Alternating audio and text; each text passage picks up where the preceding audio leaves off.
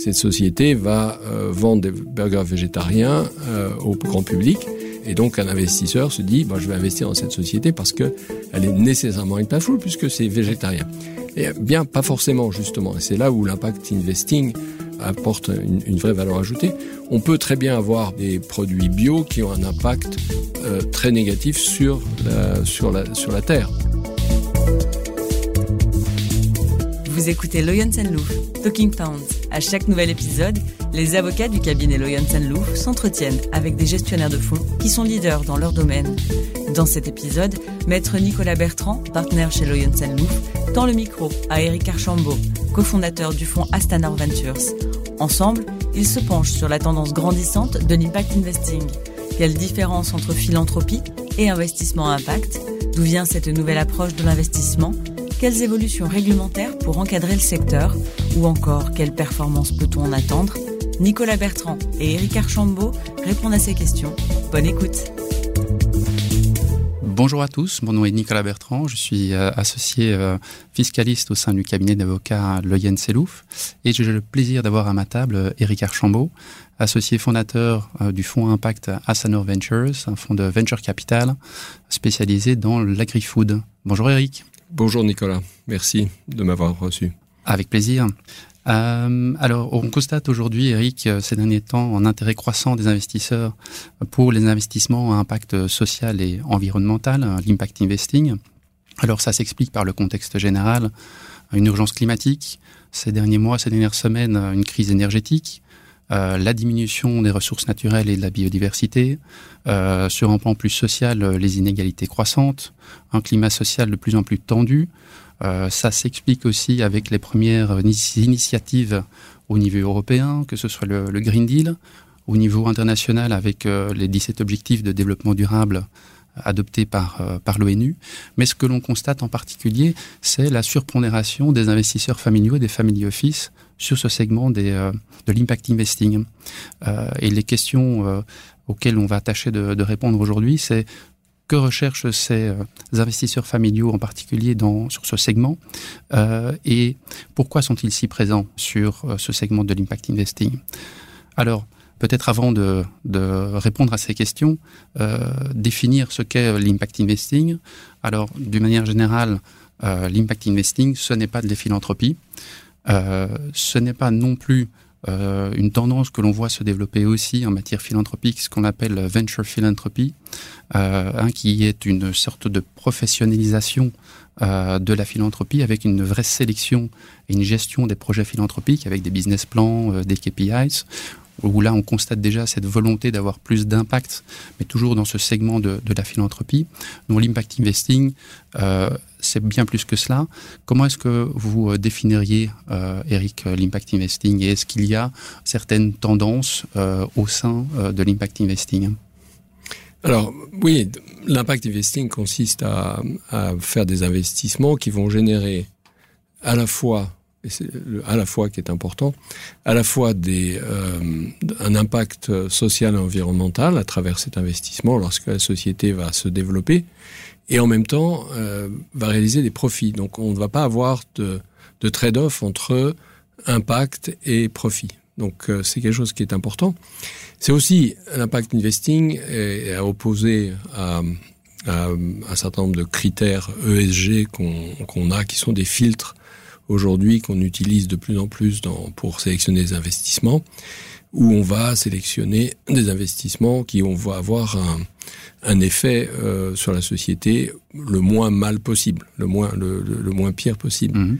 Euh, L'ESG consiste essentiellement en fait à regarder des critères de comportement interne de la société. Comment euh, la société va gérer ses employés, comment la société va gérer ses achats en termes d'éthique, en termes de de gouvernance, euh, etc. Alors que l'impact investing consiste essentiellement à aller regarder les coûts externes, les externalités que crée cette société par son existante, par son comportement, à l'extérieur de la société, et de réincorporer ces coûts dans le, PNL qu'on va finalement, le PNL synthétique qu'on va calculer à partir de là. Donc, il y a une grande différence entre les deux. ESG tourné vers l'intérieur de la société, impact investing, tenir compte des effets externes de la société sur l'environnement et le social. Il y a progressivement une réalisation qu'il faut vraiment prendre ça en compte, puisque euh, les agents économiques que sont les sociétés ont un impact considérable sur ce qui se passe aujourd'hui sur l'environnement et aussi sur euh, ce qui se passe dans les, crises sociétales euh, aujourd'hui. On ne peut plus ignorer ça et c'est pour ça que tout le monde s'intéresse de plus en plus à l'impact investing. D'accord. Et alors on parle aussi de social first et de euh, finance first. quelle est la différence entre ces deux, types d'impact investing? En fait, l'impact investing arrive à un confluent de pratiques qui étaient l'une finance first et l'autre impact first. Et, et l'impact investing consiste à, à, à dire non, c'est first pour les deux. Hein, donc, euh, on, on, va voir. Donc, dans, la, dans les changements de réglementation qui vont permettre enfin aux investisseurs de, voir un peu mieux, euh, de, comprendre un peu mieux les différences entre les différents produits qu'on leur propose. Euh, donc, cette avancée réglementaire ou ces développements réglementaires SFDR fonds qu'on va appeler euh, les fonds article 8, ce sont les sociétés qui, les investissements qui sont finance first, alors que l'impact investor qui va avoir impact et finance en même temps sont article 9. C'est ça, c'est ça. Et c'est ce qui explique aussi, vu euh, le segment, hein, que l'impact investing, on va surtout le retrouver sur euh, notamment euh, tout ce qui est environnement, énergie, éducation, agriculture et santé. Alors vous l'avez déjà évoqué il y a un instant, euh, il y a euh, dans les évolutions euh, récentes et les tendances à venir, il y a tout un cadre réglementaire qui est en train de, se mettre en place. À quel type d'évolution doit-on s'attendre pour les années à venir en termes d'impact investing? Donc on a à la fois un cadre réglementaire dont on a parlé il y a quelques secondes, qui est en train d'évoluer pour que les investisseurs euh, comprennent mieux dans quoi ils investissent. Et puis un cadre, euh, un cadre financier ou comptable euh, qui est en train d'évoluer aussi, avec l'IFRS. Donc il y a un an, le, la, FASB, donc qui est l'organisation internationale qui, gère les normes comptables au niveau international, a décidé de créer une, entité qui va proposer des réformes euh, qui vont être progressivement appliquées à toutes les sociétés du monde sur la façon de faire du reporting qui tient en compte les coûts environnementaux et sociaux qui sont aujourd'hui repoussés vers l'extérieur. C'est-à-dire qu'aujourd'hui, si vous extrayez de, de la de la forêt amazonienne euh, des, euh, des produits que vous ne remplacez pas, euh, bah, c'est du profit pour la société. Alors que c'est un, un c'est quelque chose qui évidemment on inscrit au, à la, au bilan de la nature. Donc mmh. on a, on progressivement, on prend sur le bilan de la nature et on va l'inscrire au bilan euh, positif des sociétés qui exploitent. C'est un peu schématisé, mais c'est ce qui se passe essentiellement partout lorsqu'on relâche du CO2 dans l'atmosphère et qu'on n'est pas euh, taxé pour ça ou qu'on ne tient pas compte de ça, lorsqu'on va euh, utiliser beaucoup d'eau pour, euh, pour refroidir quelque chose, pour l'utiliser pour un process industriel, même si on ne le pollue pas, aujourd'hui, on va utiliser cette eau. On n'est pas non plus nécessairement, on va pas forcément payer le, coût total environnemental qui correspond. Et donc, cette évolution comptable, IFRS, va imposer aux sociétés progressivement de tenir compte de ces coûts, ce qu'on appelle aujourd'hui des coûts externes, qui, sont, qui ne font pas partie de ça. Et l'impact investing consiste en avance de phase, finalement, par rapport à ce qui va se passer dans le futur, à commencer à tenir compte de ces coûts environnementaux et sociaux et de regarder si les sociétés dans lesquelles on investit aujourd'hui sont déjà euh, en, train de contribuer à une économie régénérative et plus extractive. C'est ça. Et ce que vous dites euh, en termes d'évolution du règlement, euh, de la réglementation euh, comptable, moi en tant que fiscaliste, ça m'évoque l'évolution en termes de, de, fiscalité. Et là, on peut dire aujourd'hui que s'il y a en parallèle à tracer entre l'évolution vers des investissements plus responsables, plus justes, et l'évolution de la fiscalité, on est sur des parallèles d'ordre relativement euh, général. Qui dit investissement plus responsable et plus juste, vous venez de l'évoquer, ça suppose notamment du reporting, puisque l'impact investing, c'est notamment euh, pouvoir euh, être plus transparent pour démontrer effectivement l'impact réel euh, que, que, génère cet investissement, eh bien cette, euh, ce reporting, cette transparence, on la connaît aussi euh, euh, au niveau de la fiscalité, de l'évolution de la fiscalité. Je pense en particulier pour ce qui concerne les investisseurs familiaux, tout ce qui est transparence en termes de bénéficiaires économiques, euh, registre UBO notamment. une autre évolution ou une autre, un autre parallèle qu'on peut tracer c'est que ben, des investissements plus responsables, euh, c'est aussi des investissements qui tendent vers plus de justice euh, sociale, plus de justice environnementale. Et cette, euh, cette, cette justice, cette volonté d'avoir plus de justice, on la retrouve aussi dans la fiscalité. Aujourd'hui, on a une batterie de mesures anti-abus qui visent en particulier à une fiscalité plus juste, à ce que chaque contribuable paye euh, sa cote-part euh, dans, dans l'effort collectif. Mais au-delà de ce parallèle relativement euh, général, on peut regretter quand même que, à ce stade, en tous les cas, il y a assez peu d'initiatives qui soient prises. La fiscalité verte n'en est qu'à ses débuts. On a assez peu de, mesures concrètes aujourd'hui. On peut aussi, pour revenir plus sur l'aspect entrepreneurial, regretter l'absence de mesures ou d'incitants euh, pour euh, susciter justement des investissements dans de l'equity. Euh, encore ces dernières semaines en Belgique, hein, le gouvernement a annoncé la suppression des intérêts notionnels pour ce qu'il en restait, mais euh, qui est une mesure qui vise à inciter à investir en equity, alors même qu'au niveau européen, il y a quelques mois, on annonçait justement une mesure équivalente aux intérêts notionnels, mais au niveau européen. Euh, et puis, bah, le gouvernement parle aussi, pour ce qui concerne les investisseurs, personnes physiques, d'une taxation des plus-values sur actions. Euh, si jamais on devait arriver à une taxation des plus-values sur actions, il serait peut-être peut-être bon que le législateur essaye d'inciter des comportements entre guillemets euh, plus vertueux ou en tous les cas à inciter euh, notamment des détentions à long terme et à exonérer par exemple progressivement les plus-values en fonction de, de, la durée de détention. Donc voilà, on espère qu'au niveau fiscal aussi il y aura euh, un alignement par rapport à cette évolution qu'on peut constater en matière d'impact investing. Alors peut-être pour embrayer sur euh, le lien entre investisseurs familiaux et, euh, impact investing. Alors pour l'anecdote, hein, ce sont euh, deux concepts qui sont intrinsèquement liés puisque c'est fin des années 1800 que Rockefeller crée le premier Family Office et c'est le Rockefeller Foundation, hein, si je ne m'abuse, Eric, qui en 2007 lance le concept d'impact investing. Alors pourquoi est-ce qu'on retrouve autant d'investisseurs familiaux dans euh, ce segment euh, impact investing? Bon, ben, d'abord le, constat, je pense qu'on peut faire, c'est que avec la crise financière, les investisseurs familiaux, les family office se sont tournés vers le segment du private equity qui offrait des rendements beaucoup plus élevés que les, euh, rendements traditionnels. C'est aussi des investissements qui sont en ligne avec le côté entrepreneuriale euh, que ces familles ont toujours connu. Euh, et alors le deuxième constat qu'on peut faire, c'est que on remarque que sur euh, le segment du private equity, l'impact investing est également surpondéré. L'impact investing est surtout présent sur ce segment du private equity et du venture capital. Est-ce qu'on peut expliquer cela, Eric? Oui, je pense qu'il y a deux explications. Et d'abord, je voulais juste revenir sur votre anecdote sur Rockefeller.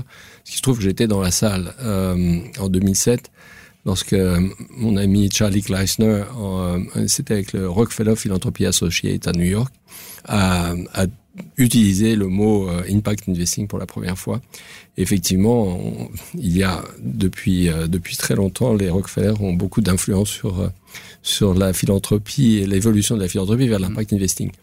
Alors les deux raisons pour lesquelles on retrouve plus de d'activité en private equity et venture capital aujourd'hui, et c'est essentiellement lié à l'agilité qu'on peut avoir euh, à la fois au niveau des family office qui sont beaucoup plus à même à innover dans leurs investissements que les grandes institutions financières, les grands asset managers qui, euh, malgré tout l'intérêt qu'ils peuvent porter, ont quand même pas mal de rigidité dans leurs critères de choix d'investissement.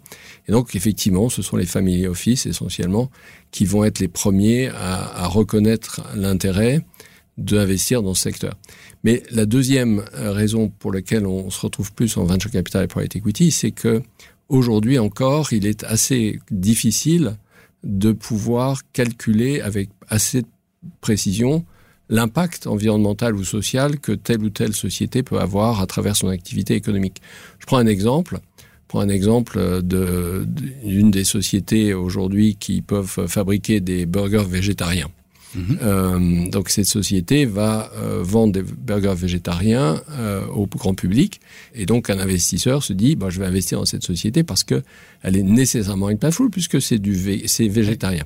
Mais bien pas forcément justement. Et c'est là où l'impact investing apporte une, vraie valeur ajoutée, parce qu'on va remonter toute la chaîne de valeur, on va remonter toute la chaîne d'approvisionnement de, cette société, on va regarder euh, d'où vient le, soja, on va regarder euh, comment l'agriculteur euh, a, enfin, quel type de, pratique il va avoir, quel impact ce, cet agriculteur a sur la terre, est-ce que euh, il va utiliser euh, beaucoup de pesticides, etc. On peut très bien avoir bah, d'ailleurs euh, des produits bio qui ont un impact très négatif sur la, sur la, sur la terre. Puisque mhm. bio, ça veut dire plutôt regarder les intrants plutôt que de regarder quelle est la façon dont on va faire l'agriculture. Aujourd'hui, deux tiers du soja ou plus est importé du Brésil en Europe. Donc on peut on peut perdre la trace euh, lorsqu'on est une grande société et qu'on a un millier de, fournisseurs à travers le monde. Ça va être beaucoup plus compliqué donc de trouver aujourd'hui. Les choses avancent progressivement avec la mise en place des, normes comptables, etc. IFRS, ça va changer. Mais aujourd'hui encore, il est très difficile pour de trouver une vraie comptabilité euh, impact dans les grandes sociétés, alors qu'on peut lorsqu'on commence au tout début avec une société dans laquelle on investit en venture capital, travailler avec eux, travailler sur ce qu'on appelle des life cycle analysis, hmm. où on va regarder tout le life cycle de leurs produits et à la fois euh, filtrer ceux qui ont un impact négatif ou, pas assez positif sur l'environnement et le social, et ou les aider à euh, améliorer cet impact en, montrant, en, en, identifiant des points faibles dans cette chaîne de valeur. Donc, il y a aujourd'hui encore beaucoup plus d'investissements en, venture capital et en private equity qu'il ne peut y en avoir de manière très euh, précise en public equity. C'est ça, et c'est ce qui explique effectivement que, euh, vous l'avez dit, les investisseurs familiaux peuvent investir parce qu'ils ont moins de contraintes plus tôt et donc on les retrouve plus facilement dans ce type euh, d'investissement et avec des durées aussi plus longues puisque euh, l'impact investing peut-être est un, type d'investissement qui part plutôt sur des périodes d'investissement plus longues. Alors, le succès entre guillemets de, l'impact investing auprès des investisseurs familiaux se confirme aussi dans, plusieurs études. Hein. Il y a notamment une étude du BS selon laquelle euh, près de deux tiers des family office notamment indiquent que l'impact investing sera vraiment le focus euh, pour les investissements à venir. Mais il n'en demeure pas moins qu'il y a toujours plusieurs interrogations ou craintes des investisseurs sur l'impact investing. Une des craintes que l'on entend régulièrement ou une des interrogations que l'on entend régulièrement, c'est on en a parlé, l'impact investing vise un rendement euh, financier au moins équivalent euh, aux investissements euh, traditionnels. Ça, c'est pour la théorie. Est-ce que sur la pratique, Eric, on peut déjà, on a déjà suffisamment de recul pour, entre guillemets, valider cette, cette affirmation? Alors, franchement, il y a encore assez peu de, de, recul. On a, on a très peu d'historique. Il faut quand même regarder sur une période assez longue pour pouvoir euh, dire euh, effectivement euh, tout ce qui a été fait en, impact investing jusqu'à maintenant est plus profitable que ce qui a été fait en, profit first. Mais les tendances vont dans la bonne direction. Si on, regarde ce qui se passe aujourd'hui au niveau environnemental, avec les changements climatiques, avec la crise énergétique, euh, on, peut penser raisonnablement que trouver des investissements qui se passent progressivement de d'utiliser euh, des produits à partir d'hydrocarbures pour euh, faire une, agriculture qui ne dépend plus de ça, donc vont forcément être plus rentables à terme mmh. que de continuer le statu quo des investissements tels qu'ils existaient encore il y a quelques années. Donc tout va, aller dans cette bonne direction. Et il y a un autre point qui a été souligné plusieurs fois aussi et qui est quand même tout à fait vrai que nous, on vit très régulièrement euh, en venture capital, c'est que c'est l'attrait des talents. On est quand même dans un monde où on continue, c'est une guerre des talents, peu importe ce qui se passe aujourd'hui euh, de manière provisoire sur le marché de l'emploi. Euh, les, jeunes talents qui ont le choix entre une société qui a euh, qui donne du sens à leur travail, qui donne du sens à leur carrière, vont préférer de loin travailler dans une société qui donne ce sens plutôt qu'une autre. Et donc progressivement, on a quand même des sociétés qui vont être euh, mieux gérées, qui vont avoir des gens euh, qui sont plus talentueux dans des sociétés qui sont impactful plutôt que celles qui ne sont pas impactful. Alors une autre critique ou de nouveau d'autres interrogations qu'on entend régulièrement, c'est euh, tout ce qui concerne la mesure de, de l'impact. Euh, comme vous l'avez dit, c'est un secteur qui est à ses débuts.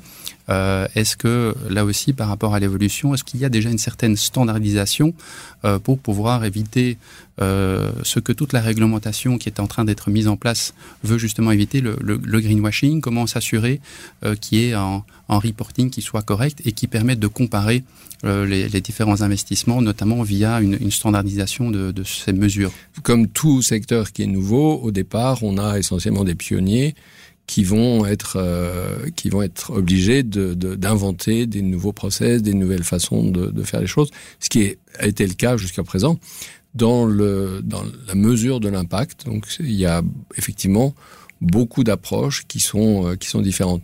Mais les choses évoluent vite. Hein. Il, y a, encore 5-6 ans, il y a pratiquement pas de disons il y a 10 ans, il y avait vraiment très très peu d'investisseurs en impact on est passé progressivement d'une mesure, je dirais plutôt anecdotale. On disait voilà, on a a sauvé euh, 3000 tonnes d'eau grâce à nos investissements.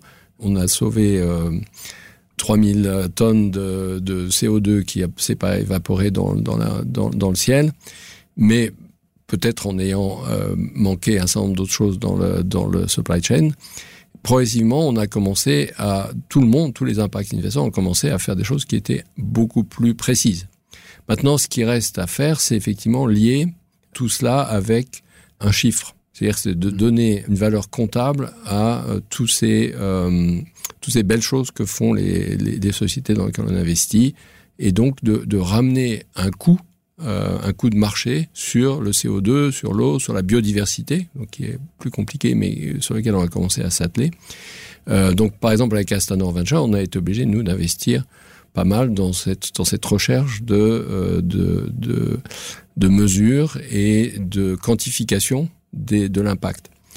Progressivement, euh, les acteurs du secteur se parlent se parlent et commencent à collaborer ensemble.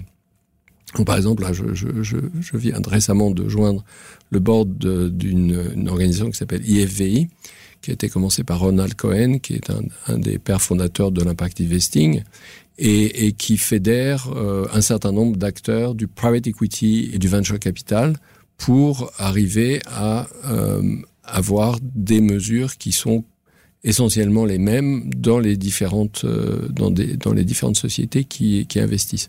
Donc tout ça est en train d'arriver, euh, plus euh, l'IFRS qui est en train de, finaliser ses recommandations pour euh, les normes comptables. Je pense que à l'horizon deux trois ans maximum, on va se retrouver avec un, un système qui sera beaucoup plus homogène, qui permettra aux investisseurs effectivement de comparer des choses qui sont euh, aujourd'hui difficiles à comparer. C'est ça, et de, de les rassurer euh, notamment par rapport à cet aspect. Alors, ce qui, parce qu'on arrive tout doucement à la fin de, de notre échange, ce qui, euh, ce qui est intéressant aussi de noter quand on discute avec des investisseurs familiaux, c'est de voir un peu ce ce qu'ils recherchent euh, quand ils euh, se lancent dans, dans, dans l'impact investing. Alors, il y a évidemment le retour sur investissement financier, puisque ça fait partie de, l'équation, bien évidemment, on, l'a évoqué. Il y a notamment aussi le retour euh, euh sur investissement euh, social et, environnemental. Pour de nouveau faire le, le parallèle avec la, la, la philanthropie, l'impact investing permet quelque part de, démultiplier l'impact ou l'effet que on peut avoir en investissant dans des sociétés qui ont ce projet social ou, ou environnemental. Vous me faisiez part, Eric, aussi de votre propre expérience par rapport à des investissements social first ou, ou impact first? Oui, j'ai eu moi-même ce cheminement euh, depuis une vingtaine d'années. Euh, donc, euh, en rentrant en Europe euh, de la Silicon Valley, nous avions décidé avec mon épouse et avec quelques personnes autour de nous, de, qui venaient aussi de la Silicon Valley, de, euh, de nous lancer dans à l'époque on n'appelait pas ça impact investing, mais dans le ce qu'on appelle aujourd'hui la venture philanthropie. Euh, mm -hmm. Et, donc nous sommes, nous avons créé une, une, entité en Inde qui a travaillé avec des entrepreneurs sociaux en Inde euh, sur différents secteurs, éducation, euh, ce qu'on appelait euh, livelihood, donc aider les gens, euh, surtout en agriculture, à avoir accès aux best practices, euh, etc. Et beaucoup de choses aussi autour du traitement des déchets dans les dans les villes et dans les campagnes. C'était à la fois très intéressant, très valorisant quelque part rétrospectivement, on avait l'impression de faire des, choses bonnes pour la euh, planète et pour ses habitants.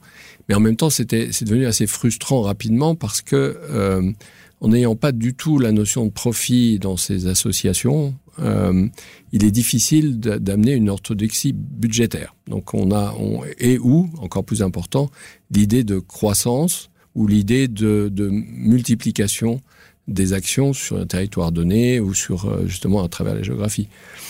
Il y avait une anecdote qui m'avait particulièrement frappé et qui nous a, avec Charlie Kleisner justement, qui était un de mes associés sur ce sur ce projet, qui nous avait beaucoup frappé, c'est euh, une idée d'école qui était une école thématique qui avait à voir avec certains enfants qui avaient des problèmes euh, de des learning disabilities et on voulait encourager la, fondatrice à faire plusieurs euh, de ces écoles à travers l'Inde.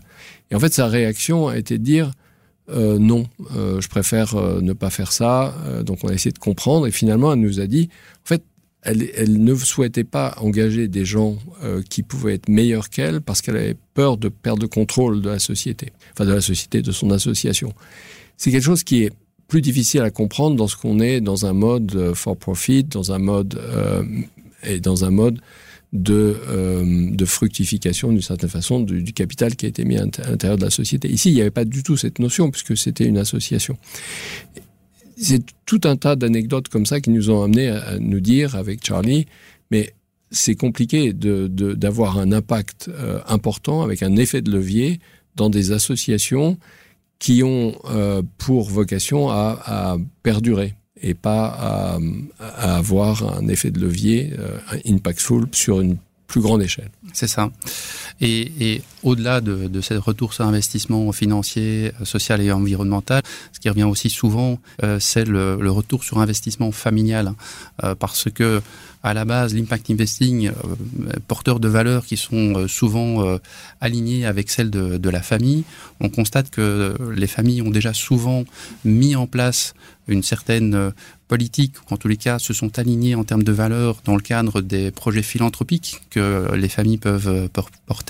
Mais en réalité, on constate que ces valeurs sont souvent euh, les mêmes ou très similaires à celles que des familles peuvent euh, mettre en place lorsqu'elles décident d'investir ou de mettre en place une politique en termes d'impact investing. Donc il y a quelque chose d'assez naturel entre les valeurs portées par euh, l'impact investing et les valeurs qui sont portées par euh, chacune des, familles.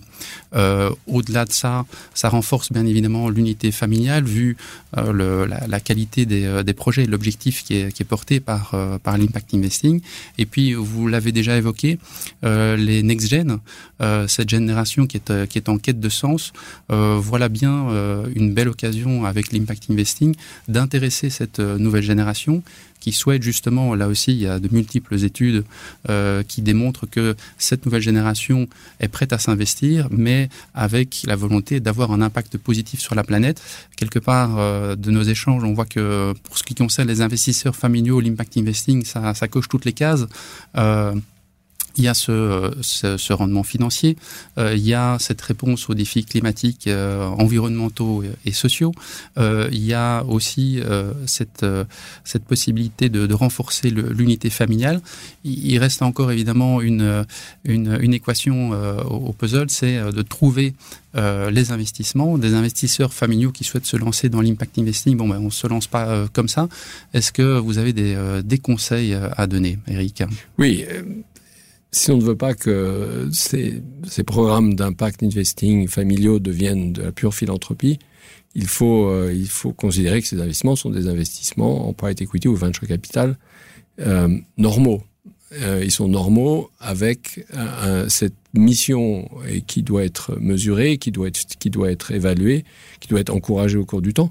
Mais il s'agit tout de même de euh, comprendre le business de ces sociétés qui souvent sont très disruptives puisque par définition on va changer le système agroalimentaire, on va changer, on va passer d'un système, comme je disais tout à l'heure, euh, un système extractif à régénératif, on va passer d'un système agroalimentaire qui était euh, fondé sur l'efficiency euh, vers quelque chose qui est dans la résilience. Aujourd'hui, on a, on a besoin de, de ramener des choses qui soient plus locales, soient plus sustainable, locales et, probablement saisonnières.